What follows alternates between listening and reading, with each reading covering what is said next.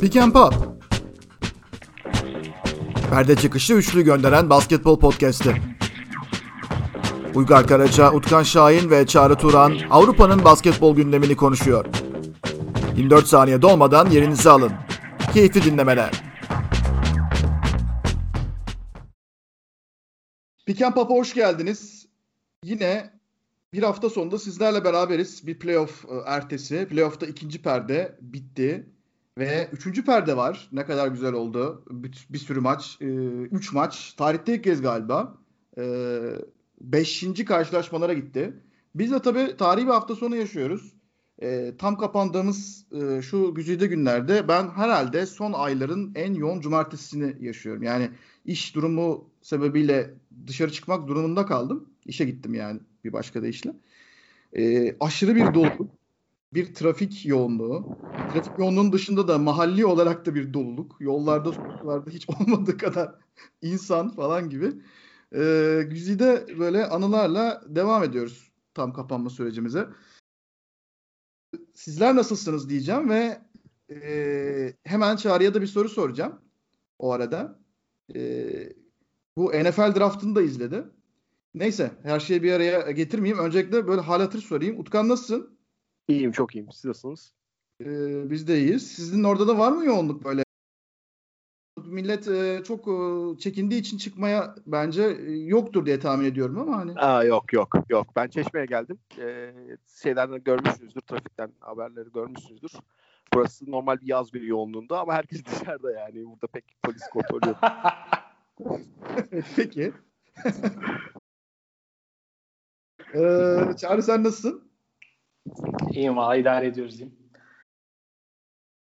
İşte NFL draftı şeydir yani ben hani Amerikan futbolu sevmem ve takip etmem ve bağlantı olarak NFL draftı baya baya ilgi çekici bir aktivite benim için yani. Ee, tüm takımların böyle planlarını, stratejilerini görüyorsun. Yani NFL'de drafttan takım inşa etmek çok çok daha önemli bir parçası. Hani NBA ile kıyaslayınca. O yüzden çok kritiktir. Yani abi 15 milyon kişi geçen sene birinci tur draftında insanların isimleri okumasını izledi Amerika'da. Yani öyle bir olaydan bahsediyoruz. O yüzden önemli. Ben de merakla bekliyorum tabii de e, onun öncesinde bayağı bir bomba patladı tabii. NFL'de ortalık karıştı biraz. Neler oldu? E, şöyle Aaron Rodgers ki NFL'de hani daha şey insana tanıtmak açısından çok takip etmeyen insana kıyaslamak için hani LeBron James seviyesinde önemi olan ünlü olan, aynı zamanda benim favori sporcum olan şahsiyet. Ee, ilgili bir haber çıktı en sonunda yani onun takımdan ayrılmak istediğini artık yönetimle arasının iyice bozulduğuna dair. Şimdi ben uzun süredir Aaron Rodgers kampında olan ve takıma sinirli olan, biraz öfkeli olan bir insan olarak o bir senedir o beş aşamayı yaşıyordum zaten. Hani bütün şu anda Green Bay Packers taraftarları dünya çapında şey modunda hangi aşamadasınız? o 5'in daha şey geçtiniz mi? Şu an e, inkarı geçebildiniz mi falan filan modundaydı. Bayağı ortalık karış. Bayağı ortalık karış. Şöyle hani çok büyük bir olay. Hani NFL bayağı şey mevzudur. Hani burada şey almaz ama yani Amerika'da spor gündemi NFL domine eder. Çok evet. çok büyük mevzu ve draft günü olması tabii ki seçilmiş ve güzel bir hareket. Aaron Rodgers'ı. Bu yüzden ayrıca biraz seviyorum yani. Ee, bir sene önce onu draft günü onu biraz böyle e, toplum önünde utandıran bir harekete girmişti kulüp yönetimi. O da çok güzel isim çıkardı ve ben de şey modundayım şu anda. Ee, Joker moduna bağladım. Yani dünya yansın, siz de yanın. Biraz da siz çekim modunda. o yüzden merdivenlerde dans ediyorum diyorsun. Yani daha sakin bir şekilde yani normalde bu tip durumlarda o insanların çok dua yoğun böyle üzgünlükle, sinirle yaşadığı durumda şu an şey modundayım hani sakin bir öfke modundayım. Ee, çünkü 3 ay önce çok saçma sapan ve sinir bozucu bir şekilde e, konferans finalini kaybettik. Hala sanırım hayatım boyunca yani Valerenga maçı falan gibi bir etkisi vardır benim üzerimde. Bitmeyecek. O yüzden şu an o, o modu geçtim. O yüzden sakin ve sinir şekilde. Mesela NFL draftı izlerken çok heyecanlamadım o yüzden yani. Geçmiş yıllarda bu adam bize kalacak mı? Bizimki yer takasla yukarı çıkacak mı? Bu düşecek mi? Vesaire falan. O genel sakinlik ve o böyle bu arada tüm yani Amerika'da bence hissettiğim herkese yansımıştı mesela o durum. Böyle bir rahatsız edici bir atmosfer vardı yani. Normalde draftın heyecanı yoktu yani bu yüzden. Çok çok hmm. tuhaf bir geceydi açıkçası. Şimdi Utkan e, diyor ki ya NFL e, podcast'ine mi geldi diyor muhtemelen. E, e, yok Euroleague'e gireceğiz şimdi de son bir nokta daha var. Sen o yüzden yazdın Çağrı. En azından Kings of Leon dinliyoruz demiştin. O yüzden mi yazdın onu? Evet yani o yüzden bir de şey ya şimdi NFL draftı başlarken ya şimdi o kadar büyük televizyon prodüksiyonu var ki işin içerisinde. Normalde takımların işte e, draft seçimleri arasında 10 dakika süreleri var ilk turda. Abi 10 dakika ihtiyacınız yok. Şimdi ama televizyon sündürüyor. Draftı açana kadar yayını sündürüyorlar. Bir de gece 3'te başlıyor tamam yani. Hani o saate kadar ayakta kalmayı kabullenmişim, yorgunuz vesaire. O saatte kadar bir En azından Kings of Leon önden çıktı falan. Sevdiğim de bir gruptu. En azından ondan mutlu oldum yani. En azından yarım saatimizi bir keyifle geçirdik yani. Evet.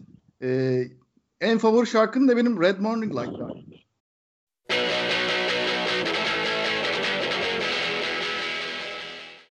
Seninki hangisi? Kings of Leon'da öyle çok favori bir şarkım yok yani. Sevdiğim bir gruptu ama. O kadar acayip değil. Ama yok ilginç ya. karakterler yani. Now you could have been a wonder diye giriyor ya şarkıya. know you could have been a wonder. Bayılıyorum. Ee, böyle biraz loser bir yanı var şarkının. Yani neler neler olurdu ama işte falan gibi. Ee, çok sevdiğim bir gruptur.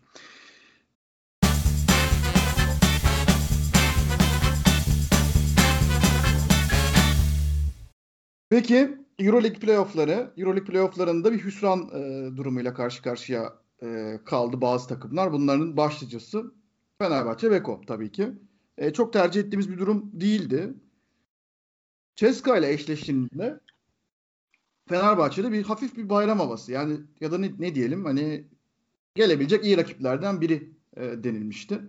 Ama işte yani şunu da göz önünde bulundurmak lazım ki bu da podcast'ta konuştuğumuz bir konuydu. Ceska da Ceska yani. Hani bir geleneği var, bir kadrosu var bir alışkanlığı var ve e, bunu ortaya koydu. Ama dahası Fenerbahçe'nin koronavirüs krizi bununla beraber e, yalnız ben hani şunu kabul ediyorum. Koronavirüs krizi çok ağır bir kriz. Ondan sonra sakatlıklar, yan veselin dönüşü bunlar hep yan etkiler, çok ağır etkiler. Ama Seska'dan bence bir maç alınırdı diye düşünüyorum. Fazla maçın detayına girmeden e, Utkan sana döneyim. Düşünüyorsun yani bu görüşüme katılır mısın? Üçüncü maçla ilgili. Çok çabuk dağıldı gibi Fenerbahçe. Yani şöyle aslına bakarsan dediğin beklenti açısından evet. Hatta Fenerbahçe taraftarının üzerinde bile beklenti neydi? 2-2 yapıp, yapıp Veseli'nin dönüşüyle beraber seriyi Moskova'ya taşımaktı. Ee, ama bu olmadı. Da tabii burada çok e, tartışmalı noktalar var. İşte e, günden beri efendim. Onu soracağım sana. Yani herhalde hakem pozisyonu diyorsun. Veseli'nin pozisyonu diyorsun galiba mı? Evet. Evet. Yani bir, bazı taraf diyor ki hakem izin vermedi. Bazı taraf diyor ki çok yumuşak bir takım olmasından dolayı Fenerbahçe. Yani kendi hatası yüzünden Fenerbahçe elendi diye bir taraf tartışıyor. Bence burada durum biraz %60'a %40. Yani evet Fenerbahçe çok sert bir takım değil. Ee, ve bunun e, bu tarz ortamlarda playoff ortamı geldiğinde bunun şeyini gördü e, sonuçları gördü. Daha rotasyonun olmasının sonuçlarını gördü. Oyuncu karakterlerinin sonuçlarını gördü ama bir tarafta da şu var yani e, hep konuşuyoruz. Veseli bu takımın çarkları için en önemli 2-3 oyuncudan bir tanesi. En önemli 2 oyuncudan bir tanesi. Bana göre en önemlisi. E, ve yani 3. çeyreğin başında bence facia bir hakem kararı. Yani e, saçmalık. O şey yüzünden maçtan atılıyor veya maç sonu geliyor onun için. Ondan sonra da Fenerbahçe demoralize olup maçı kaybediyor. Demoralize olmasa devam etse e, diye konuşabiliriz ama yani bu if yani bir sebep var. O sebepten sonrasını konuşuyoruz. O sebepten kaynaklanan sonuçları da konuşmamız lazım. Yani orada rezalet bir karar ama Euroleague playofflarında ilk defa mı rezalet bir kararla karşılaşıyoruz derseniz hayır. Ama yani sonuçlar da biraz Fenerbahçe oraya gitti. Zaten kırılgan bir takım. Zaten koronayla mücadele ediyorsun. İşte tam mesele geldi diyorsun. Bir de şöyle bir etken var. Fenerbahçe maça iyi başlayıp e, ikinci yarıda bence Erdem Can'ın çok kötü coaching yüzünden maça ortak etti CSK'yı ve zaten şeydeydi üçüncü çeyreğin başında. Yani bir ayağı böyle çukurdaydı. Kırılmak üzereydi Fenerbahçe. Ee, bir de bu üzerine darbe gelince e, tuzla buz oldu. Ee, yani o şey tarafı, CSK tarafı bu, bugünün problemi değil. Bugünün olayı değil. Yani hepimiz biliyoruz ki Euroleague'de bazı takımlar daha koruma, korunuyor. E, CSK'nın korunduğu aşikar. e, buna rağmen CSK'nın korunmasına rağmen bu zamana kadar başarılı olan takımlar var mı? Var. Fenerbahçe'de başarılı olabilir miydi? Başka bir kadroyla, başka bir şekilde, başka bir oyunda belki olabilirdi. Ama işte yani bütün o şeyler, e, eklentiler ucuca gelince seni sonuç olarak buraya getirdi. Ha, yani şunu da söyleyeyim. Açıkçası e, ben biraz kabahati ilk maçın ikinci çeyreğin ortasındaki noktaya veriyorum. Yani çok gereksiz bir alan soğuması sevdası var. Yani ben ilk başta da çok beğenmemiştim. Konuşmuştuk burada. Maçı evet. değiştirdi belli ölçülerde ama e, çok sürdürülebilir bir plan gibi değildi. Bir de Itudis çok akıllı bir şekilde e, da, so, yani ikinci maçta çok işe yarayan o kısa beşe tekrar dönünce Fenerbahçe orada çok karşılık veremedi. E, ve yani inanılmaz bir e, Erdemcan'ın işte artık bu, bu noktalardaki tecrübesizliği mi diyelim e, ya da işte başka bir şekilde mi adlandıralım bilmiyorum ama yani çok geniş rotasyon ve alan soğuması yapma sevdası bir anda e, erken bitecekmiş gibi göz, gözüken maçı tekrardan CSK'ya ortak etti. Fenerbahçe orada CSK'ya ortak etmeseydi belki 3. çeyrekteki Veseli pozisyonu konuşmuyor bile olacaktık. Ee, işte orada biraz ama hepsi birbirine bağlantılı bir şekilde gidiyor.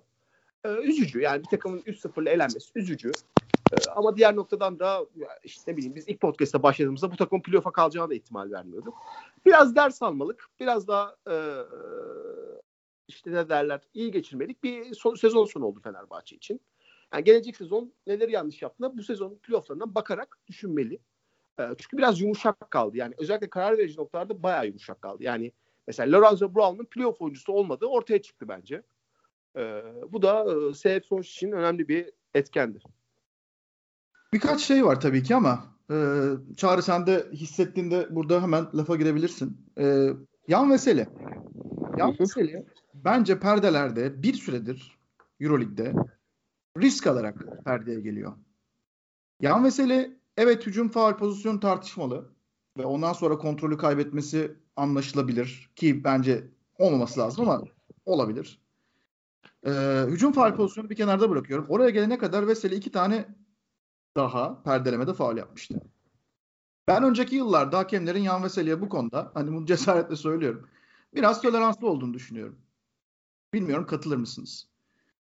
Zaten perdelerde risk alan bir oyuncuydu. Bu sefer denk geldi. Ya denk geldi neye göre denk geldi? Konjonktür mü değişti? Artık oynadığı rakiple mi alakalı? Yoksa Veseli gerçekten işte dozajı abarttı mı? Ondan mı oldu? Yoksa hakem mi e, kötü niyet gösterdi? Bunlar tartışılır ama Veseli'nin perdeleri benim gözümde her zaman şu anda hücum faal çalınabilir öyle bir hissiyat bırakıyor. Buna katılır mısınız mesela? Ya çok temiz perdeleme yapmadım katılırım. çok temiz bir ya biraz zaten Veseli öyle bir karakterli oyuncu. Ee, işte bir teması göstermede e, şeyde o küçük yan yolları kullanmayı çok seven. E, işte bunu bazen o küçük yan yolları kullanırken bazen kazançlı çıkarsın bazen de bilmediğin yola girdiğin için bir anda kaybolursun ya. Evet. E, kafanda bambaşka bir yola çıkarsın. Onun sonuçları oluyor. Bazen seni çok iyi götürür. Bazen orada küçük bir kazancın olur. Bazen de böyle işte büyük kayıpların olur. Ama dediğinde haklısın yani. Veseli çok temiz bir perdeleme yapan hiçbir zaman oyuncu olmadı. Ama o pozisyonların bir tanesi bence hücum faaldi. Diğeri değildi. Ee, yani şey perdelemeler üzerine konuşuyorum. İlk yaptığı hücum perdeleme biraz e, sabit ayağını oynatıyor ve kalçasını çıkartıyordu. İkincisi yani Euroleague'de e, playoff ortamında kaç tane hakem çalar? Kaç tanesi çalınmalıdır? Ya playoff mesela normal sezon olsa çok umursamazdım ama playoff'ta sertlik bekliyorsun ya bana biraz o kafamda oturmadı. Ya bir de yani dediğimiz gibi CSK bu. Çok da garipsemiyorum açıkçası. Çok da ben ne bileyim e, maç öncesi Fenerbahçe'nin bunu da planlıyor olması lazım. Çünkü CSK'nın ne bileyim ya bu konuda avantajlı oldu. Bugünün olayı değil. 20 yıldır bilinen bir gerçek. 20 yıldır bunlar, onlarla mücadele eden her takım bunları yaşadı ve buna göre mücadele etti. Fenerbahçe'nin de belki kafa olarak biraz daha buna e, hazır olması lazımdı. İşte mesela yani playoff sertliği orada da başlıyor. Sadece sert olmak işte e, kalça çıkarmak, dirsek atmak değildir. Mental olarak sert olmaktır.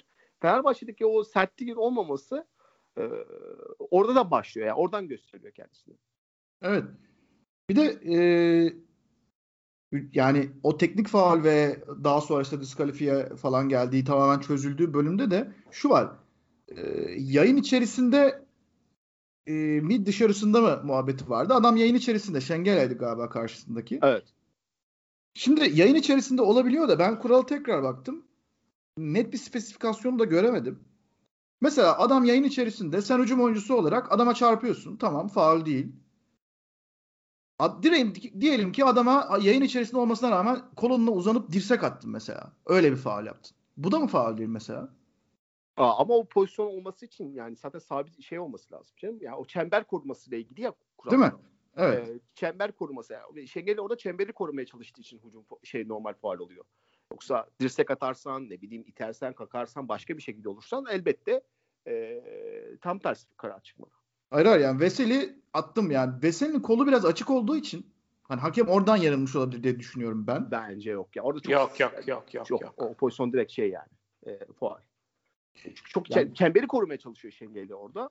O pozisyonda normalde şey karar çıkmalı. E, soğuma faal. Savunma faal. çıkmalı. Savunma faal.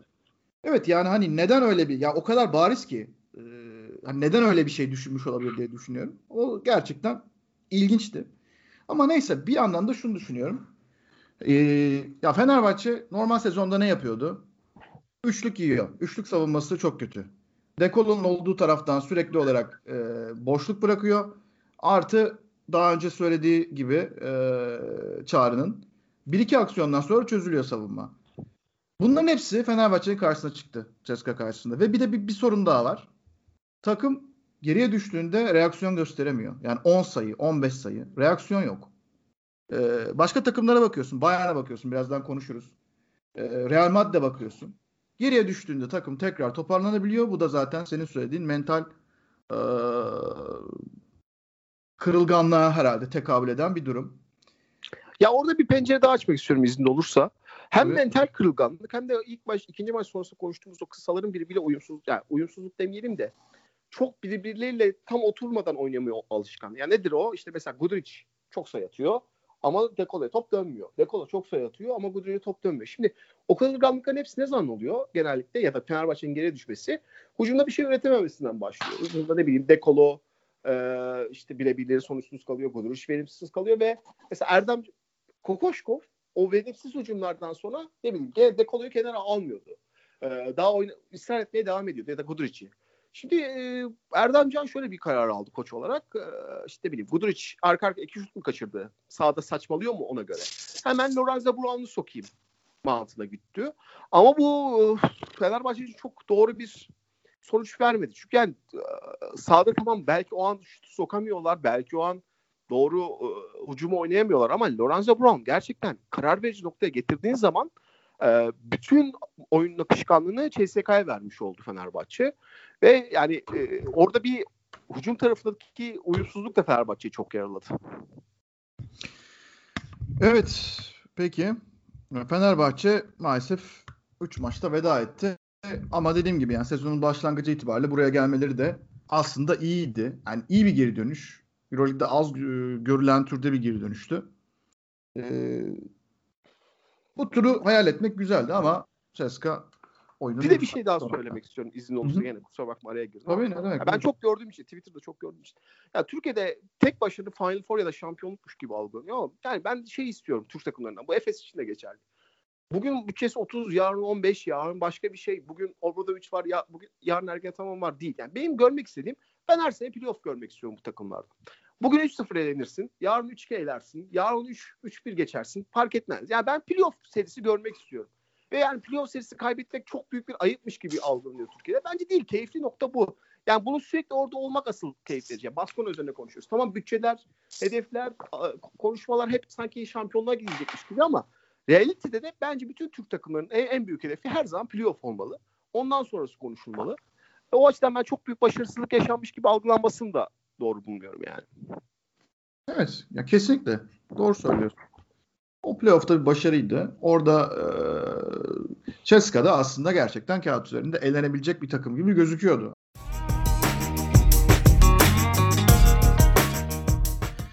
Efes'e gelelim. Efes'te de bir e, biz geçen bölümün başlığında şey belirtmişiz. Efes'in durdurulmazlığı diye. E, şimdi bakınca Efes durduruldu. Resmen durduruldu.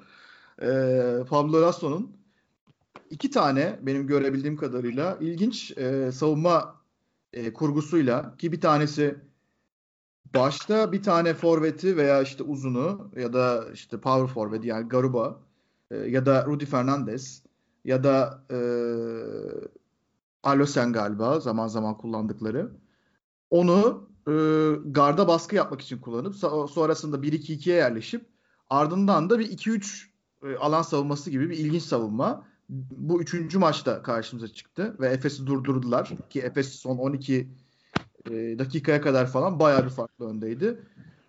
Dördüncü maçta da bu sefer ikinci yarıda daha da başka bir savunmaya geçtiler. Arkada iki tane koruma oyuncusuyla adeta böyle bir hani Amerikan futbolunda e, safety'ler mi oluyor onlar? E, Safety. daha iyi bilir. Evet. Safety.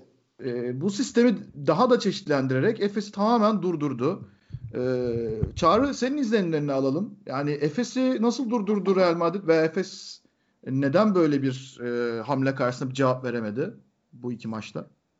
Yani Efes daha çok kendini durdurmuş gibi gözüküyor. Şimdi biraz şuradan bakmak lazım. Sen yani maçları izlerken de e, inişli çıkışlı anlarda o aklıma geliyor. Şimdi Efes konvansiyonel bir Euroleague iddialı takım profili değil.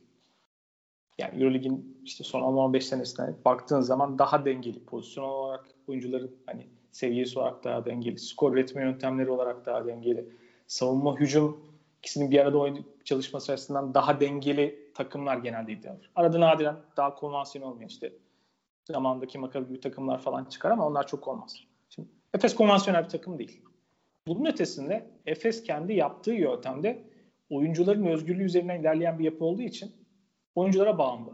Ve bazen oyuncuların doğru karar vermediği, iyi planlayamadığı noktalar veya farklı engeller çıkarıldığı zaman yapısı olarak ona alternatif çözümler üretebiliyor musunuz? Ona reaksiyon verebiliyor musunuz? Ona hazır mısınız gibi sorular var.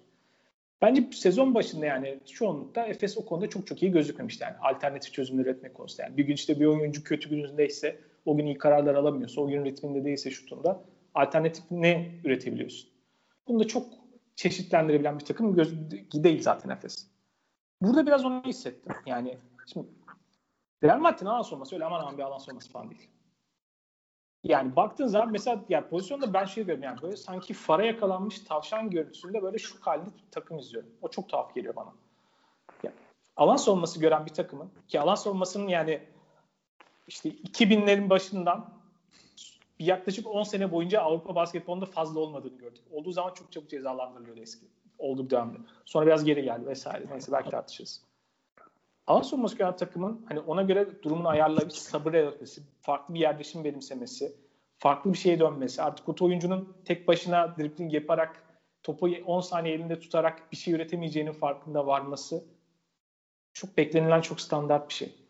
Efes böyle şaşkınlık içinde daha çok bu durumu izleyen bir taraftaydı. Ve çok uzun süre devam etti bu. Yani bir şaşkınlık dönemi. Hani bazen evet yavaş yavaş bazen uyum sağladı. Mesela dördüncü maçta bir noktada evet Efes uyum sağladı geri döndü. Sonra tekrar şaşırdı. Tekrar afalladı.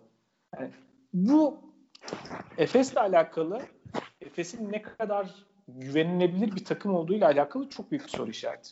Ha şu Euroleague sezonunda kim çok tutarlıdır, kim çok güvenilirdir, kim istikrarlıdır ayrı bir konu zaten. Kimse aman aman değil ama bu konuda yani ciddi bir soru işareti. Buna hazır olmamak ciddi bir soru işareti. Üçüncü maçtan dördüncü maça geçişteki bu savunmanın bazı versiyonları ilk iki maçta da uygulandı. Buna ayak uyduramamak ciddi bir soru işareti. Yani şu Euro yani şu playofflarda gördüğüm bir şey vardı.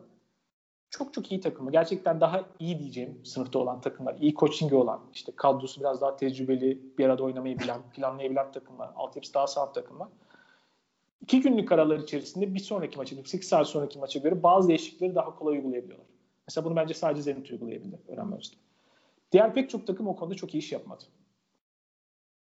Efes'in mesela 3. maçtan 4. maça geçerken mental olarak o 3. maçı kaybetmeye cevap veremeyiş olması, çok kötü başlaması.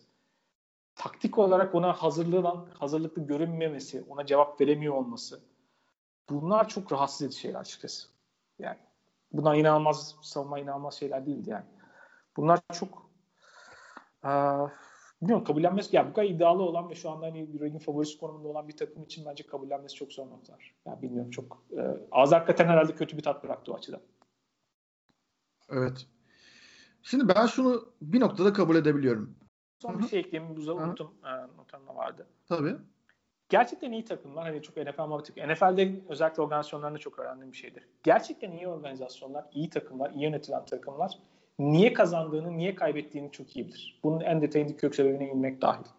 Efes ilk iki maçı çok normal kendi oyununu oynayarak, kendi düzeninde hücum ederek kazandığını düşünüyorsa büyük yanılgı içerisinde. Efes o iki maçı savunmada sertliğin dozajını arttırarak ve belli bir noktaya gelerek o fiziksel sertliği de iyi uygulayarak kazandı. Efes 90'lara ulaştığı için kazanmadı. Hani ona ulaştı dolaylı olarak da. Efes rakibini 70'in altında tuttuğu için maçları kazandı.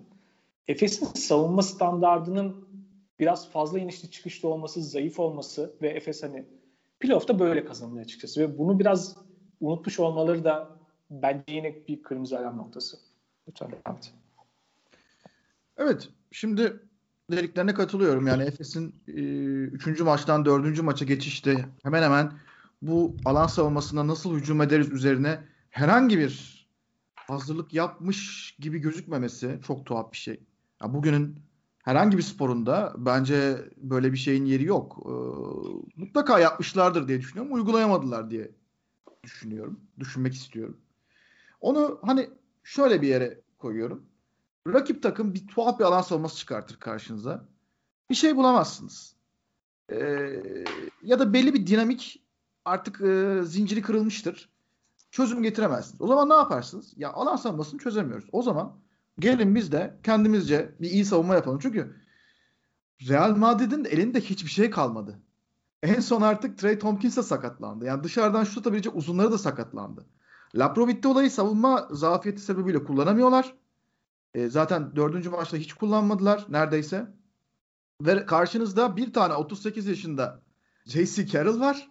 Eski süratinden o e, dipten perde çıkışlarında eski süratinden çok şey kaybetmiş bir oyuncu. Bir tane de gencecik e, tamam yükselişte olan ama hücum kabiliyeti kısıtlı bir Osman Garuba var. Osman Garuba 24 sayı attı ya. Ve J.C. Carroll 20 sayı attı. Ve tüm bunlar Efes'in ilk yarıda Rodrik Boboa'nın normalin çok üzerinde 4'te 4 üçlük attı galiba.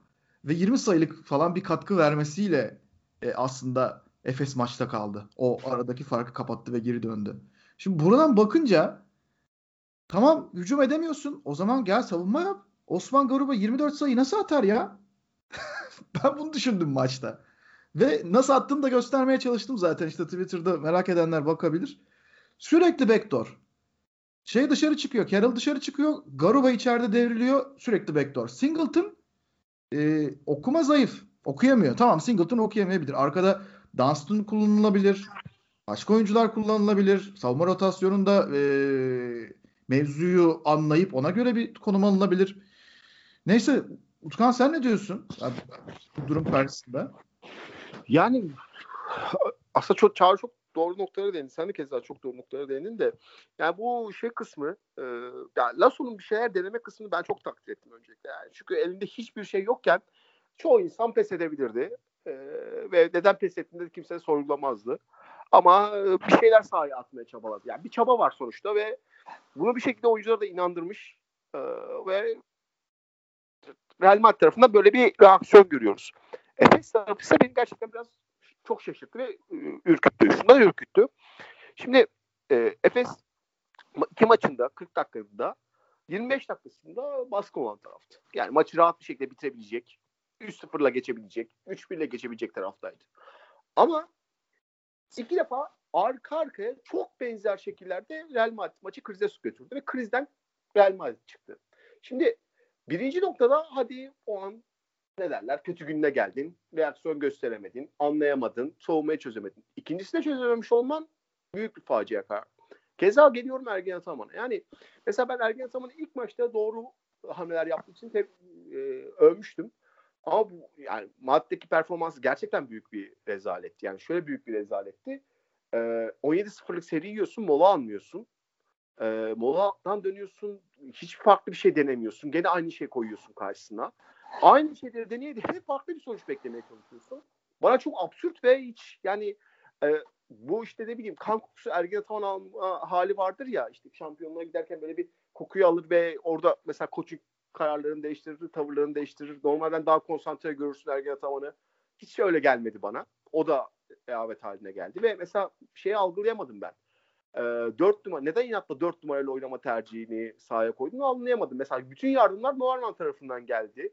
O zaman kısa bir beşe dönebilirsin. Farklı bir şey atabilirsin sahaya. Bunları inatla yapmamış olması e, bana çok e, absürt geldi. Bunlar işlerin hep bir tarafı. Diğer tarafı ise benim daha çok soru işareti yapan tarafı ise şimdi Efes'in elinde Larkin ve Miçic gibi iki büyük yıldız var. Yani bugün işte e, e, sosyal medyada e, en çok övülen ikili, işte Euroleague'in en iyi ikilisi olarak gösterilen ikili. Ve bu oyuncuların oyuna tesiri olduğu kesin.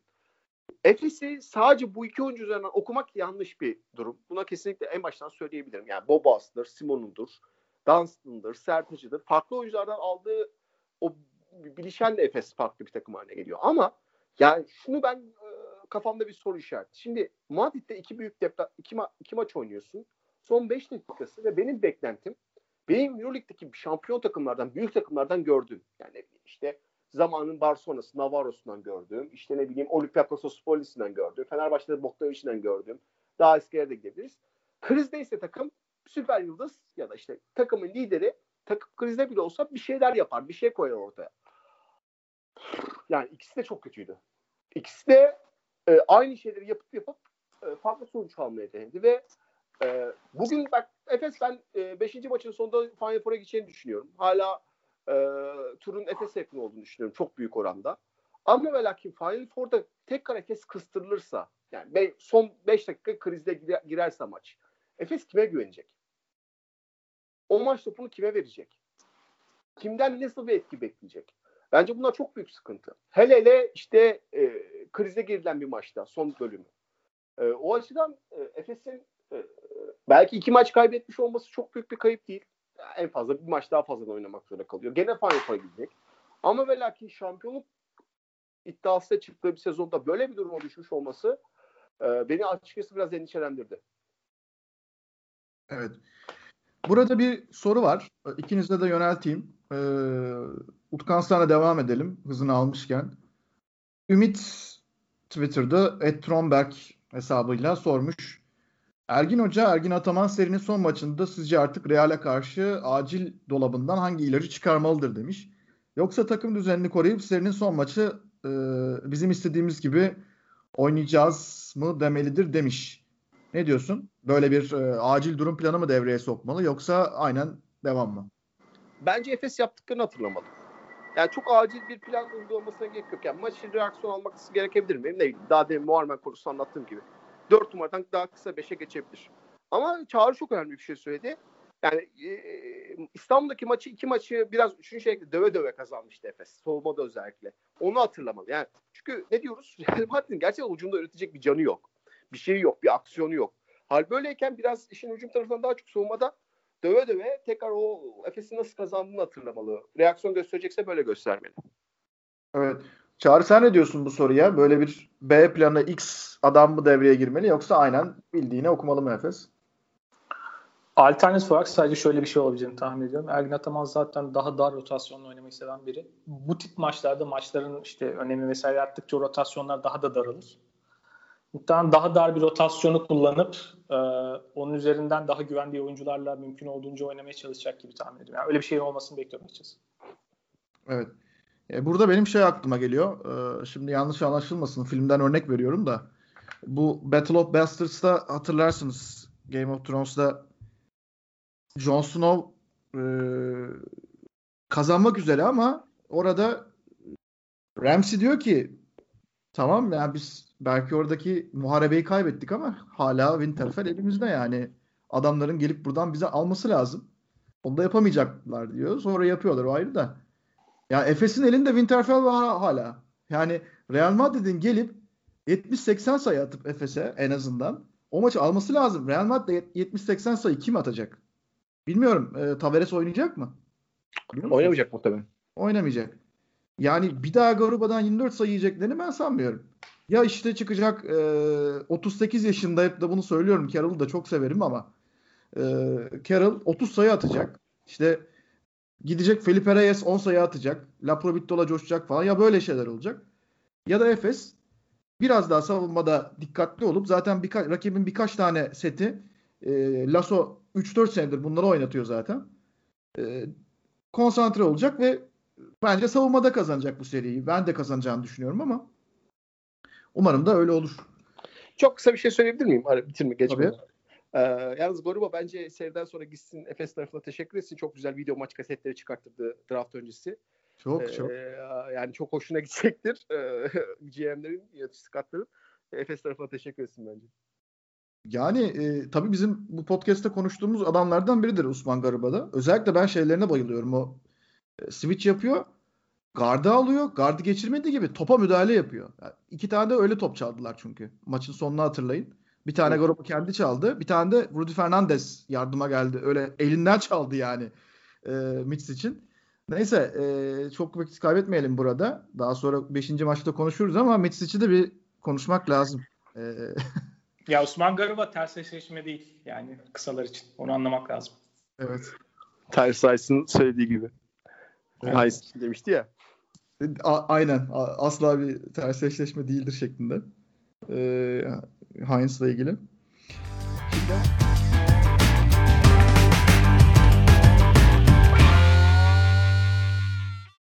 Zenit Barcelona serisi benim acayip keyif aldığım bir seri oluyor. Ee, çünkü herkes ters köşeye yattı neredeyse. Ee, ve iş gene o Lokomotiv Kuban Barcelona 5. maça giden e, seriye çok e, benzeyen bir hale döndü. Zenit bir tane maçı içeride kaybetti ve İbre'nin biraz Barcelona'ya dönmeye başladığını o anda e, düşünenler çoktu.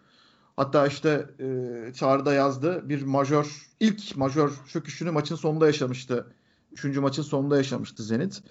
Ve e, dördüncü maçta bir anda bir geri dönüş, toparlanış, bir kalibrasyondan bahsettin sen Çağrı. Bir düzenleme yaptılar. Üçüncü maçtan dördüncü maça bir gelişme kaydettiler dedin. Ve bunu en iyi yapan Zenit dedin. Onu biraz açabilir misin? Yani hani bu kadar takımların bir arada oynadığı taktik savaşın en üst seviyede olduğu noktada e, kendine işte oradaki bence yani Pascal'ın ne kadar önemli bir koç olduğuyla alakalı olarak da ön plana çıkıyor. O değişimi mental olarak da sağlayabilmek gerekiyor. Yani oyundaki taktik değişimi kendine göre. Temel nokta şuydu. Aslında biraz daha kontrol temelde Barcelona'nın neler yapabildiği ve yapamadığı üzerinden ilerleyen bir seri olduğu için. Barcelona 3. maçta diğer 3 maçtan farklı olarak biraz daha 40 dakikayı oynadı. Yani daha az inişli çıkışlı performans vardı. Ve bunun dışında o fiziksel savaşta o baskıyı Zenit'in üzerine biraz daha hissettirdi. Özellikle de içeride. İşte Tarık Black yani yine faal problemine girdi. Orada adam kalmadı tutacak. Brandon Davis'in üzerine çok yüklendiler ve onu iyi beslediler. O da muazzam maç oynadı. Yani üçüncü maçta hakikaten e, fark yarattı. Büyük fark yarattı. Taşıdı takımı. Şimdi o değişikleri mesela Barcelona orada yaptı ve onun üzerine oynayarak ki Barcelona zaten daha rahat olduğu yani kendi konfor alanı içinde olduğu nokta o topu mümkün olduğunca pot altına indirerek onun üzerinden yarattığı tehditler ve oradan şutla oynamak. Barcelona onu yaptı önemli ölçüde. Diğer ters tarafta e, Zenit dördüncü maça geçerken bir şunu yaptı. Gene Tarık tuhaf bir şekilde faal problemine girdi. Yani ama çok tartışmalı faallerdi. Neyse. Ki o üçüncü maçın çok kritik belirleyici nokta o kadar çok çok yakın maç olmasına rağmen inanılmaz bir rebound farkı vardı maçta yani. Orada Barcelona reboundları da biraz domine ederek, biraz daha rotasyonunu genişleterek. Hala çok genişletmem ama işte Gasol'e biraz daha Gasol bu sefer mesela iki bölüm oynadı. Yani toplamda gene 7-8 dakika oynadı ama mesela ikinci girdiğinde 2 dakika oynadı sanırım ama iki faal yaptırdı yani. Rebound aldı, iki faal yaptırdı. İşte Bolmar'a birinin üzerine baskı yaptı vesaire. Oyuncular mesela normalde tek eski 300 bir kere sokuyordu pek çok oyuncusunu. Bu sefer mesela bir ikinci kere daha soktu. Rakip üzerindeki o rotasyon avantajını en azından kaldı avantajını kullanabilecek bir fiziksel üstünlüğü tekrar eline geçirmesini sağlayacak hamleler yaptı kısmen. Şimdi dördüncü maça geldiğinde bu biraz geri tepti. Yani oradan geriye dönmüş bir takım vardı. Zenit ne yaptı dersen? Evet şimdi çok tartışacak bir tanesi. Kalatis'i biraz daha risk etmeyi kabullenmişler. Mesela üçüncü maçın sonunda çok kritik bir bölüm var. Özellikle Kalatis ve Brandon üzerine oynanan oyunlarda. Gereksiz yere Kalatis'in üzerine bir yoğunluk kurdu baskı. Yani Kalatis'i riske eden takım bir anda ona gereksiz odaklanmaya başladı. Onu savunmaya başladı. Davis'e yardım getirmek yerine hani birebir bile değil Kalatis'in üzerine falan gereksiz reaksiyonlar gösterildi. Oradan bu sefer Brandon Davis bayağı skor yarattı. Maçın seyri değişti maçın sonunda. Bu sefer onu yapmamaya başladılar. İşte yine one and box savunma oldu. Kalatis'i riske ettiler. Alan savunması varyasyonları vardı. Bu sefer Brandon Davis'i riske etmemek kararını kes bir şekilde aldılardı. Oraya yoğunluğu arttırdılar. Bazen oraya özellikle yardıma dikkat edildiği görüldü. Yani Tarık Black biraz daha sahada kaldığı sürece o fiziksel dominasyonunu Barcelona'nın kullanması zorlaştı. İkincisi emin değildim. Yani ilk haftadan ikinci haftaya geçerken acaba Zenit biraz daha transition oynamaya sıcak bakar mı diye şey yapmıştım. Çok olmasa bile özellikle maçın ilk yarısında o farkı yakaladıkları dönemde e, ve üçüncü yani gene üçüncü çeyrekte de biraz fark açtıkları dönemde biraz daha sıcak baktıklarını gördüm. Yani transition oynamaya, bazen o üçlü üçlük olarak kullanmaya ki özellikle de orada Austin Holmes'i çok iyi efektif kullandılar. Biraz daha potaya doğrudan gitmiyor. Dengesiz Barcelona savunmasını kullanmaya biraz daha yatkın bir takım vardı. Ve bu değişiklikleri iyi de uygulayabildiği için bayağı yani hani maçın sonunda maç 13 sayı bitti ama yani şu seviyede 13 sayı normal maçtaki 30 sayı falan gibidir. Yani Barcelona 3 çeyrekte 36 sayıda kalmıştı. 3. çeyrekte maçı bitirmişlerdi. Zenit öyle bir fark yarattı. Ee, önemli noktası o. Yani Xavi Pascual zaten seri çok domine ediyor şu anda. Barcelona tarafına gelecek olursam yani Zenit'in bu mental dirayeti ve değişimi gösterilmesi çok takdir eder. Barcelona tarafında evet üçüncü maça geçerken biraz daha mental olarak hazırlık ve daha dikkatli oynayan bir takım olarak bir şekilde Barcelona kazanmanın yolunu buldu. Ama Barcelona daha iyi takım olduğu için kazanmadı. Şu dört maçın çok çok az bölümünde Barcelona daha iyi oynayan, oynayan takımdı. Yani Zenit daha iyi basketbol oynayan, daha doğru fazla doğruları yapan takım. Barcelona'nın kazanması sebebi biraz daha geniş rotasyon olması, fizikselliğin bazen kullandığı dakikaların artılarını yaşayabilmesi. Şimdi niye kazandığını veya niye kaybettiğini bilmek çok yani iyi organizasyonların temelinde olan bir şeydir demiştim ya Efes üzerinde. Barcelona daha iyi basketbol oynamaya çalışacak, kendi basketbol oynamaya çalışacak, kazandığını ve öyle kazanacağını düşünüyorsa büyük yanılgı içerisinde. Dördüncü maç olmuş. Hala buna gitmenin anlamını görmüyorum yani. Döve döve fizikselliği arttıra arttıra o baskı üzerinde kurarak rotasyonu bence biraz daha genişleterek Zenit'i yıpratmadıkça Zenit ayakta kalacak. Ve Zenit ayakta kaldığı her için yani o maçın içerisinde kaldığı her an çok rahatlar. Üzerlerinde baskı hissetmeyen ama özgüvenli oynayan ve o kan kokusunu almış şu anda müthiş psikolojik seviyede olan bir takımdan bahsediyoruz. Zenit içeride kaldığı sürece böyle ateşli oynuyor. Ve Barcelona ateşli oynamaya devam ederse ne olacak çok merak ediyorum. Yani çok daha maçlı oldu. Barcelona çok istikrarlıyken Zenit genel olarak kendi içerisinde daha tutarlı, daha istikrarlı bir takım oldu hep. Barcelona'nın bu reaksiyon verememesi yani bir şekilde reaksiyon vermesi değil de şöyle ifade etsem daha doğru olur. Playoff serisini nasıl kazanacağını, nasıl kazanabildiği yolu görmüşken o yolun üzerine gitmemesini geri kalan pek çok şeyden daha tuhaf buluyorum. Yaskevicius hani bir şeye bağlı biraz yani takım işte mental olarak savaşmaya hazır değildi son maçta yani savaşmadılar biraz geri adım atlar falan. Bence bunun ötesinde bir sorun olduğunu düşünüyorum açıkçası. Eğer Yaskevicius bunu bu şekilde görüyorsa ki birçok bir koç e, maç sonrası işte şey biraz strateji icabı öyle söyler. Ama kendi içinde taktik çözümlemesini yapar. Eğer gerçekten işte biz savaşmadık falan gibi düşünüyorsa bu seriyi Zenit kazanır bence. Ee, ben biraz istatistik kasacağım. Ee, böyle yaygın deyişle. Biraz da hani bir iki tespit paylaşıp gene e, topu Utkan'a paslayacağım. Oradan belki yeni pencereler açılabilir. Bir kere dördüncü maç özelinde konuşuyorum. Üçüncü maçta Brandon Davis'in olağanüstü performansı. E, normalin üzerinde böyle Jalgiris'te maç kurtardığı günler de vardır da e, biraz onun etkisiyle biraz da işte e, Çağrı'nın söylediği Tarık Bırak'ın erken faal problemine girmesiyle de e, alakalı olabileceğini düşünüyorum. Bir de o gün Pengos'un kötü günlerinden biriydi. Bundan da Utkan hep bahseder. Hani Pengos bazen siniyor diye. Yani tam sindiğinden bahsedemeyiz ama kötü bir günündeydi ve hiçbir şey yapamadı hemen hemen. Ama dördüncü maçtaki reaksiyona şöyle bir baktığımızda bir kere Barcelona e, attığı şutlardan ve girmeyen şutların hiçbirinden hücum reboundu çıkarmaya yeltenmedi. Ki Barcelona e, çok efektif şut üreten bir takım mı ya da çok efektif isabetli şut atan bir takım mı? Bence hala değil. Hücum reboundlarına ihtiyaçları var ama Yaskevicius hızlı hücum yememek adına hiç hücum reboundına girmedi. Ve şöyle söyleyeyim. Barcelona 21 ikilik artı 15 tane üçlük 36. 3 tane serbest atış kaçırmış 39. Atış kaçırmış. Zenit kaç rebound almış? Savunma reboundu 32 tane. Yani bu çok önemli bir savunma reboundu yüzdesi bir kere. Ve takımda e, Ponitka yok. Reboundlara yardımcı olan bir isim olarak. Ponitka yok. Bir de Gudaitis yok. Buna rağmen reboundlarına çok e, sahip çıkmayı başardılar. İkinci şansları Barcelona'ya vermediler. E, bu istatistik kastığım bölümdü. İkincisi ki normalde Barcelona sezon içerisinde çok fazla hücum reboundu oranına sahip olan bir takım. Yani atamadığını oradan telafi et, etmeyi başaran bir takımdı. Bundan faydalanamadılar ve hücumların eksik kalmasının sayı olarak eksik kalmaların, düşük kalmaların sebeplerinden biri bu bence. İkincisi bir şey daha ortaya çıktı. Bence Brandon Davis e, Switch'te Kevin Pangos'un üzerinde bırakılacak bir oyuncu değil. E, belki bir önceki maçta bunu iyi gösterdi ve Switch savunmasını daha geliştirdiğini düşünüyorum ama e, Kevin Pangos Switch'te darmadağın etti Brandon Davis'i. Daha doğrusu genel olarak Barcelona'nın Switch savunması tamamen çöktü. Dışarıdan şutörleri devreye sokması Zenit'in biraz bundan.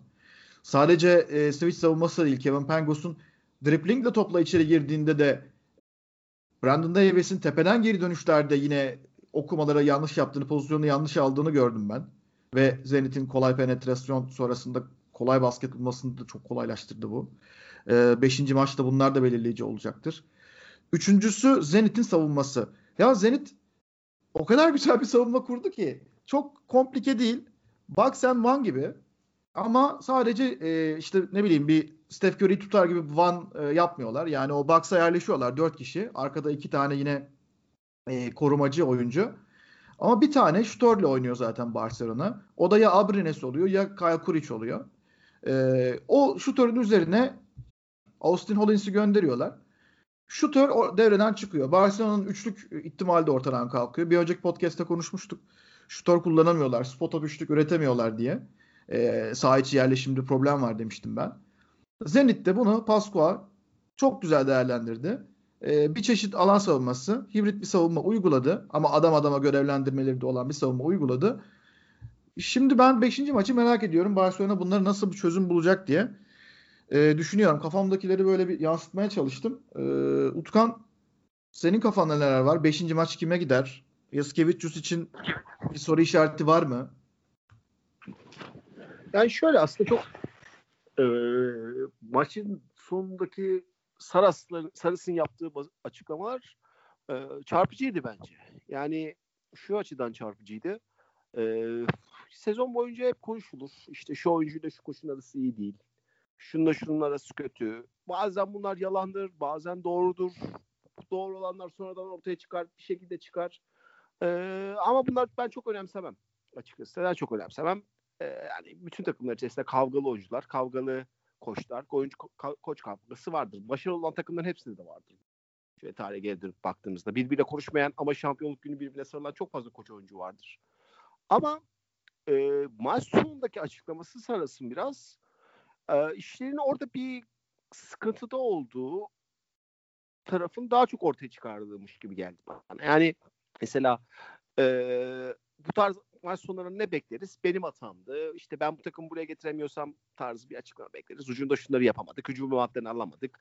İşte ikinci çeyrekte 3 e, faal yaptık. Dördüncü faal yapmamamız ne kadar aslında kötü savunma yaptığımızı gösteriyor tarzı. Klasik artık ezberlediğimiz Euroleague koç açıklaması bekleriz. Ama burada biraz böyle koç işte önce oyunculara suçlarmış gibi e, işte playoff'ta herkes kışların özür dilerim onu kullandığı tabirle kullanıyorum işte kışlarını yırtmalı. Kışlarını yırtmıyorlarsa bu benim suçum demektir. Yani oyuncular kışlarını yırtmıyor. Demek ki ben e, beni dinlemiyorlar e, anlamına gelen bir açıklama yaptı ve bu biraz basın önünde yapmış olması garip geldi bana. Ve yani düşündüğümüzden daha büyük bir problem olabilir mi? Diye getirdi bu. Yani işte sürekli Mirotic kavgası deniyor. Mirotic'le bir kavgaları var mı bilmiyorum. Ben e, İspanyol olmasında öyle çok büyük bir şey okumadım. Ama demek ki takım içerisinde kendini dinletemediğini düşündüğü, uygulatamadığını düşündüğü, geniş rotasyonda e, yaptıramadığını düşündüğü birkaç oyuncu var ve böyle bir karşılıklı gönderme yapıyorlar. Bunların bazen etkisi olur bazen çıkar o maçı alır oyuncu ve işte dediğim gibi bundan yapılmış olur. Bazen tam tersi geriye adım atılır. Yani Saras çok zeki bir adam. Bunun zarını atarken muhtemelen kafasında bir plan var ki yapıyor ama bana ilginç geldi ve açıkçası mesela şampiyon olamazsa Barcelona bu yaz ya da bu sezon sonunda bana yazın radikal hamleler yapabileceklermiş düşüncesini doldurdu. Diğer tarafta Zenit'se yani çok teşekkür ederim. Bence playoff'un uzun zamandır aranan böyle o arkadan gelen e, küçük şey böyle underrated takım, underdog takımı e, imajı eksikti. e, özellikle işte Maccabi'den beri.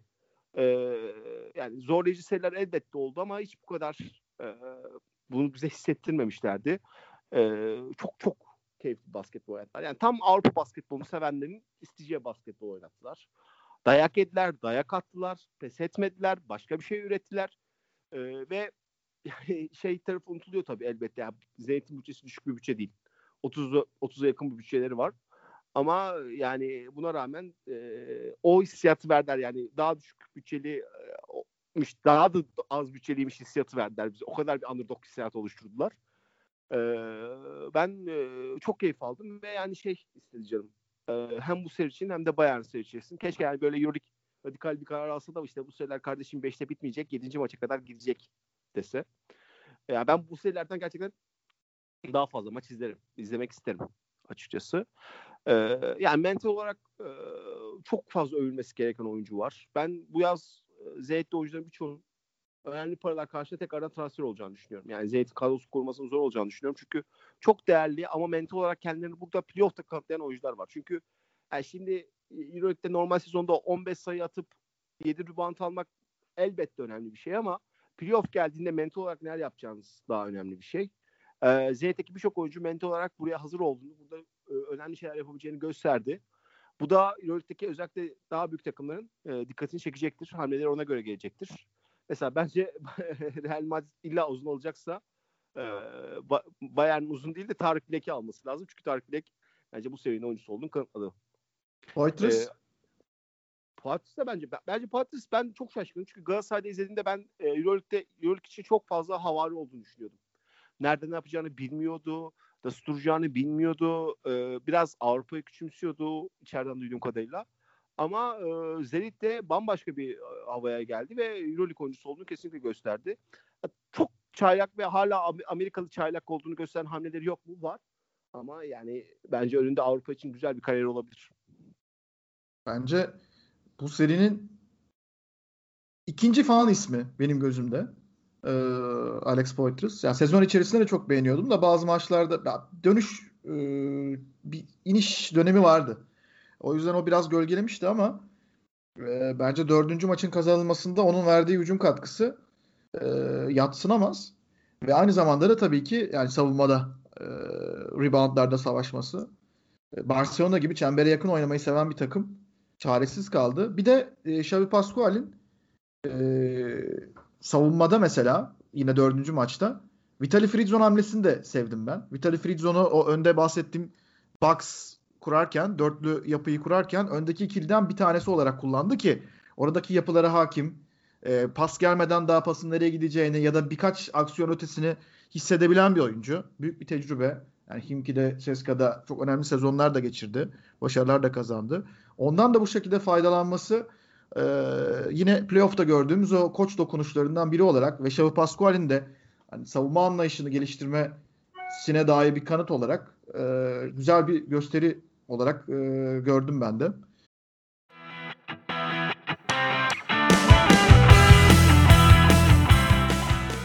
Ve son serimize gelelim.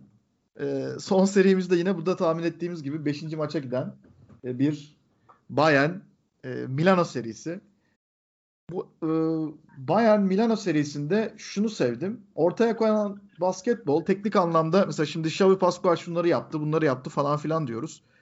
E, o anlamda Trinkieri'yi ben mesela işte bir Flacadori adımı dışında Flacadori'yi orada Delaney'nin üzerine verdi. Üçüncü, dördüncü maça böyle başladı. Delaney'nin e, aktivasyonunu böyle engelledi falan ama onun dışında ha bir de e, şut için Lucic'e döndü. Hatta işte Zipser'a döndü son dört, e, dördüncü maçta. E, guard ağırlıklı oynayan bir takım olarak. Bu dönüşümler güzeldi ama ben takımın savaşma ruhu ve bireysel olarak e, bireylerden aldığı katkıyı bu playoff serisinde Bayern adına daha fazla belirleyici gördüm. Yoksa taktiksel anlamda yaptığı işlerden ziyade çok savaşçı e, ruhları sergilemeleri de artık Trinkier'in orada man management, adam yönetimi konusundaki e, başarısını gösteriyor. E, Utkan senle devam edelim yine. Yani Bayern açıkçası çok keyifli bir maçtı ve dün maçın sonunda ben böyle şey Bayern taraftarı gibi ayakta o zip sırası maçı sonrasında ayağa kalktım. O kadar uzun zaman sonra böyle duygusal bir an yaşadım. Yani şey e, bekliyor muyduk? Aslında ilk podcast'ın sonunda konuştuğumuzda şeydi yani e, biz şey demiştik yanlış hatırlamıyorsam 3-1'in Bay- Milano alır ama bu e, Milano'dan daha çok Bayern'in yapıp yapamadıklarıyla alakalı bir sonuç. Yani Milano'ya güvensem, şey Bayern'e güvensem senin 2-2 olacağını e, düşünüyorum tarzı bir şey demiştik. Yani Milano'dan daha çok Bayern'le alakalı eleştirimizi yapmıştık. Burada onu aslında biraz gördük. Yani Bayern çok çok iki, iki maç oynamadı. Hadi üçüncü maçın belli bir kısmını domine etti ama do, dördüncü maçı çok çok iyi oynamadı ama o savaş halini, o sahada neleri doğru yapması gerektiğini, neleri yapmaması gerektiğini bilen tavrıyla maçta geri dönmeye başladı. Yani çünkü Milano çok e, süper yıldız gücüyle ilerleyen bir takım. İşte yani Delaney ilk yarı çıkacak 17 atacak. Maçı biraz sürükleyecek. Sergio çıkacak e, iki tane büyük üçlük sokacak. Zekle diye oradan farklı bir şey yapacak. Evet ama bunların hepsini bir araya getirip bir parça haline getiremiyorsunuz. Bayern ise tam tersi. Yani Bayern bir takım e, takım oldukları için buradalar. Bu zamana kadar o parçaların birbirine birleşmesiyle buraya geldiler. Mesela yani takımın en büyük yıldızı kim? Wade Baldwin. Felaket bir dördüncü maç oynadı. Hatta maç kaybedilseydi muhtemelen suçlusu Wade Baldwin'di yani bence.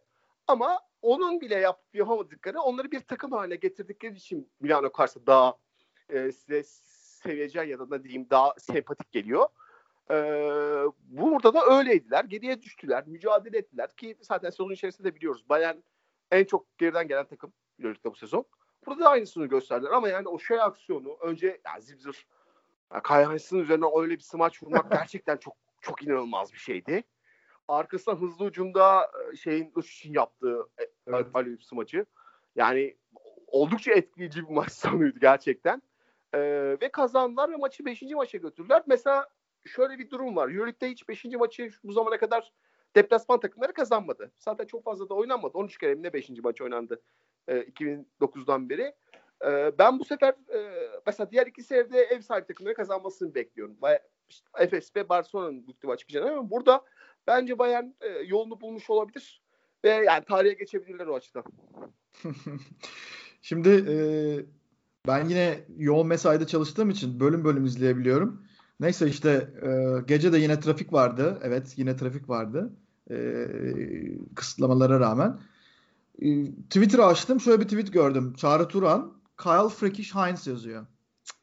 Şimdi ondan sonra e, eve geldim. Spoiler almamak için maçı açtım. Maçın sonuna denk geldim. O arada da tabii. Bir baktım Zipser'in o smacı geldi. Şimdi merak ettiğim soru Çağrı sen o Zipser'in smacından önce mi atmıştın sonra mı atmıştın o tweet'i? Direkt olarak smacı reaksiyon. On fucking kafayla Kyle Hines yani. Abi Kyle Hines üzerinden o nasıl bir smaçtı? Ben de ben yerinden zıpladım yani. İnanılmaz şeydi Ya Zipser de böyle şeyleri hani çok boş pozisyon falan bulmadıkça yapan bir oyuncu değil diye hatırlıyorum. Doğru mu hatırlıyorum? Abi öyle böyle bir posterlik bir şey değil yani. Bir de Kyle Hines'la yapmak ne demek yani? İnanılmaz bir şeydi hakikaten. Yani hatırladığım en acayip smaçlardan bir tanesi olabilir. Böyle yok artık ötesinde falan bir tepki verdim. Neyse. Bu arada yani bir takımın playoff'ta game winner basketin fast break aleyhupla gelmesi de nasıl acayip bir şeydir yani. o da acayip bir şey yani. Bayan yapıyor. Yani Bayan spektaküler bir takım değil. Değildi. Ya, hiçbir zaman değildi. E, ya tuhaf şeyler oldu evet yani son maçta. Onun dışında var mı e, notların? Milano'ya biraz e, sallamak istediğini ama e, çok da salladığın için e, artık nasıl daha ne kadar sallayabilirim demek istediğini düşünür gibiyim. ya çok kötü bir takım ya. Yani hani konuşmak bazen istemiyor insanın canı. Şöyle Milano'ya ya kapıyı açık bırakırsanız kaotik bir durum varsa sahada siz bazı detaylara işte özen göstermezseniz biraz dağınık oynarsanız dikkatli olmazsanız detaylara işte göz ederseniz Milan o açık pencerelerden girmeyi iyi bilen bir takım. Yani çok yetenekli oyuncu. İşte savunmada siz ayı iyi kapatmazsanız, birebir de arkayı kovalamazsanız, çok net birebir bırakırsanız o kadar yetenekli oyuncular var ki el üstü, el üstü falan bir şeyler atıyorlar yani. İşte savunma ribandına dikkat etmezseniz oradan birileri kovalıyor. O kaotik durum içerisinde biri ne olduğunu anlamadan biri kaldırmış, üçlü anlamış, göndermiş, bitiyor. İlk kere 50 sayı yedi bayağı. Dağınıklıktan yedi bayağı. Hani dikkatsizlikten biraz dağınıklıktan yedi mesela son maçta. Ama siz eğer detaylara özen gösterirseniz, dikkatli olursanız, planlı oynarsanız yani Milano'nun yani 15 sayıdan 20 sayıdan maç kaybetmesi bu sezon çok da gördük hiç sürpriz bir şey değil. Yani Bayern hani kazanmayı şey yaptık ama Bayern belirliyor serinin her şeyini. Bayern eğer maçı 40 dakika oynuyorsa, hazırsa, mental olarak oradaysa, odaklanmışsa, detaylara önem veriyorsa Bayern zaten her maç 20 ile alırdı. Bayern'in bıraktığı kapılardan, kendi istikrarsızlığından, dağınıklığından Milan oralara girdi. Maçlar kazandı. Bazen farklı öne geçti. Ya çok serinin gidişatını Bayern belirliyor. Bayern'in kontrol üzerinde. O yüzden yine son maçta Bayern'in yaptıkları, yapamadıkları bence daha belirleyici Milano'ya kıyasla. Ee, ama yani Milano ile alakalı gördüğümde şunu geliyor aklıma. Ya Milano şu an hala hala Final Four'dan bir maç uzakta bir takım. Ve bu kadar hani kadrosu dengesiz kurulmuş, oyun planı itibariyle dağınıklık ve oyuncuların kötü birebirleri üzerine kurmuş ve bunu normalleştiren, bundan rahatsız olmayan bir yapının hala ve hala Final Four'dan bir maç uzakta kalması ya bu sezonun Euroleague'de hemen hemen her takımın ne kadar geçmiş yıllara göre standartının altında bir basketbolda olduğunu göstergesi yani. İşte ligin belki en iyi iki takımı diyeceğim Barcelona Efes dahil. Hani Milano'da onun başka bir göstergesi belki en önemli göstergesi. Evet. Bayern'de hep bahsediyoruz e, oyuncu katkılarından, Trinkieri nasıl hazırladığından falan. Mesela bu seride de son iki maçta bir Jajuan Johnson rüzgarı esiyor bence. Ya adam Reynolds'ın sezon boyu yaptığını yapmaya başladı. Köşeden ikilik atıyor. Hücum ribandı alıyor. Savunma dengesini bozdu. Onun attığı 12 sayı o kadar değerli bir 12 sayıydı ki Johnson'ın. İnsan şaşırıyor. Yani yeri geliyor e, işte Jean Şişko geliyor bir dribbling yapıyor. Ya Jean Şişko'nun attığı e, penetre üzerinden böyle bir e, bir basketi vardı. Teardrop gibi bir şey vardı. O bile çok değerli. Lakadorni savunması diyoruz. Vladimir Lucic direktman e, yakala gönder üçlükçüsü gibi oynuyor. Yani Carroll ya da Kuric gibi oynamaya başladı. Mecburiyetten tabii ki. Wade Baldwin sırtına bir darbe aldı. Ee, ondan sonra maça geri döndü. Sakatlandı zannettim ama o devam etti. Leon Adaşevic hiçbir şey yapmıyor. Sadece yaptığı şey ya tamam savunma ve rebound e, mücadelesini veriyor ama gardı içer, içeri girerken e, arkasındaki uzunu mühürlüyor arkasına ve gardın önünü açıyor. Yani o bile hiçbir şey yapmadan bir şeyler yapıyor. E, Joshua Johnson'ın yine o topsuz perdeleri keza öyle. Ya ben açıkçası Bayern'i yakın görüyorum Final Four'a hala. Ee, bilmiyorum katılır mısınız? Ya beşinci maçı ben bekliyordum ama e, yani istiyordum ama olur mu olmaz mı bilmiyordum. Şu anda beşinci maçı gördüğüme ben de çok mutluyum. Ee, tabii Datome atıyordu gene son saniyede o ayrı da. Ee, o maçı uzatmaya götürüyorlardı yine bir son saniye basketiyle. Ee, ama olmadı. Beşinci maçları da merakla heyecanla bekliyoruz.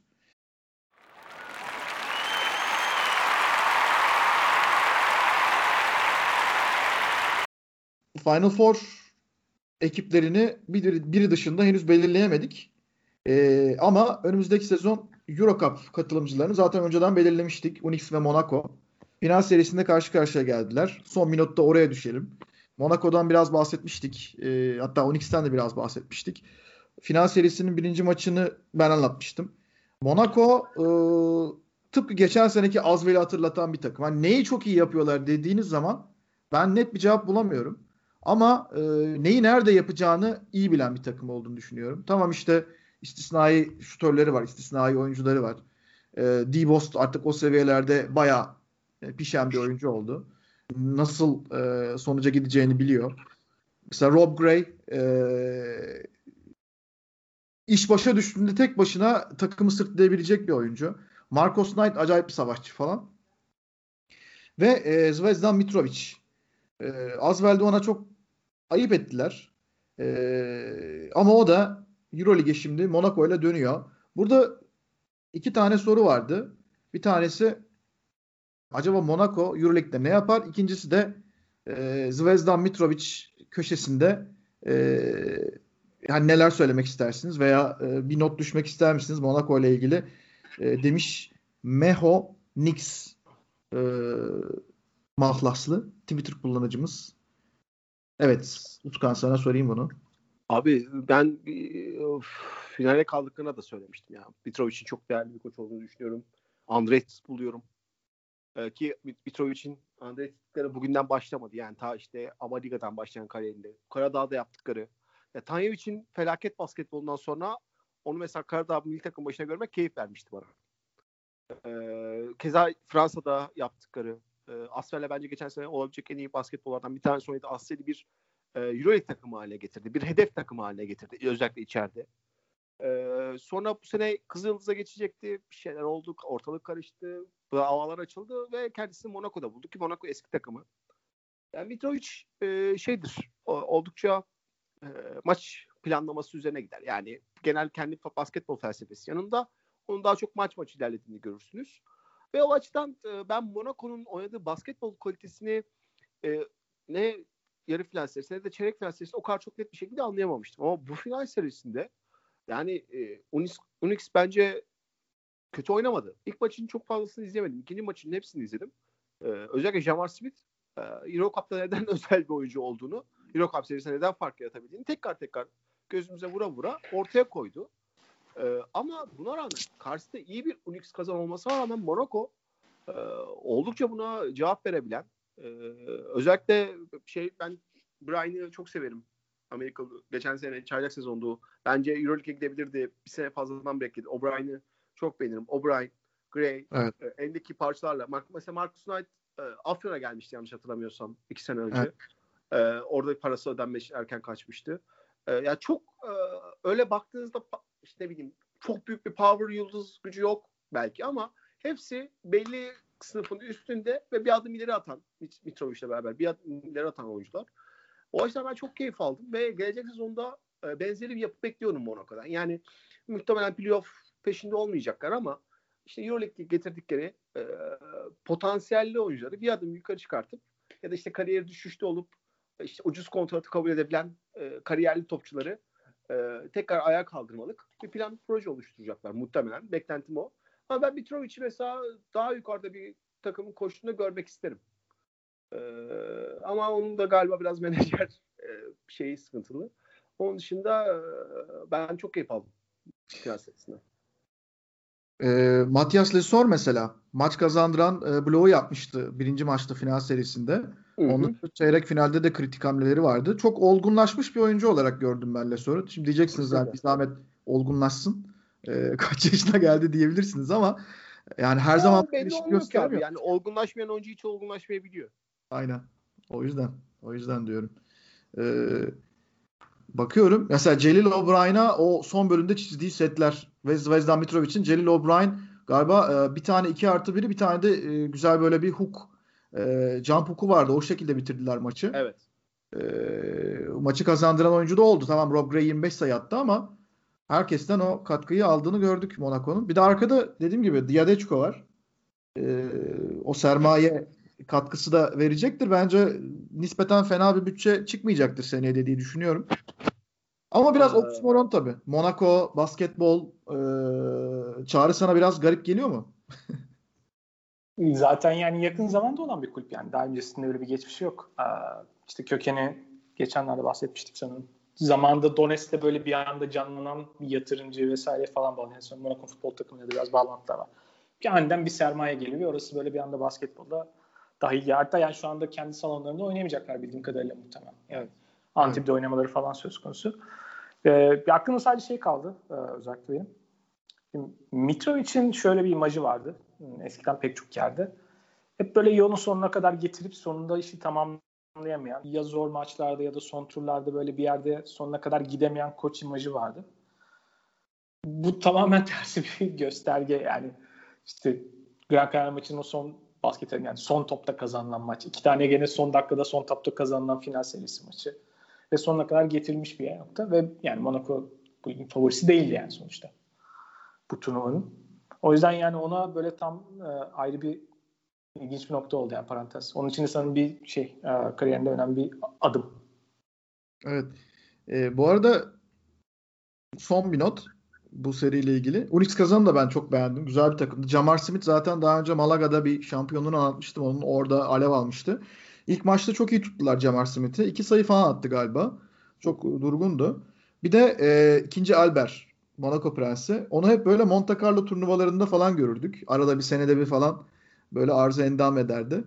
E, fakat şimdi Euroleague'de daha sık maçlara geleceğini düşünüyorum. Euro çünkü birinci maçta vardı. Ee, böyle Euroleague'de ayda bir kere veya işte iki ayda iki kere falan herhalde televizyonlara çıkacak e, diye düşünüyorum. Sürekli olarak böyle kameraların zoomlayacağı bir karakter olarak karşımıza çıkabilir. E, Prens Albert'de. Diyoruz ve kapatmadan son bir sorumuz daha varmış. Onu da iletelim. Evet. Genel bir bakışla. Trinkieri, Xavi Pascual ve Pablo Lasso arasında bir seçim yapacak olsanız oyun planıyla en büyük farkı kim yarattı diyor. Ee, Ümit tekrar e, ikinci bir sorusunu sormuş. E, Utkan Aa, şey e, Pascal. Pascual diyorsun. Peki. Çağrı? Bir Pascual, iki Lazo. Bence Trinkieri oyun planesinden öyle çok aman bir fark yaratmadı. Bence de Trinkieri en son planda ve ben de Pascual'i birinci sıraya koyarak e, tam anlaşmayla, oy birliğiyle diyelim e, kabul ediyoruz. Bir numarada Xavi Pascual. E, arkadaşlar çok teşekkürler. E, Euroleague playofflarını konuştuk ve tabii Euro Cup'ta Monaco'nun başarısını konuştuk bir parçada. E, biraz da NFL draftını konuştuk en başta. Ağzınıza sağlık. Haftaya ya da bir sonraki programda yeniden görüşmek üzere diyorum. E, çok teşekkürler. Hoşçakalın. Hoşçakalın. Hoşçakalın.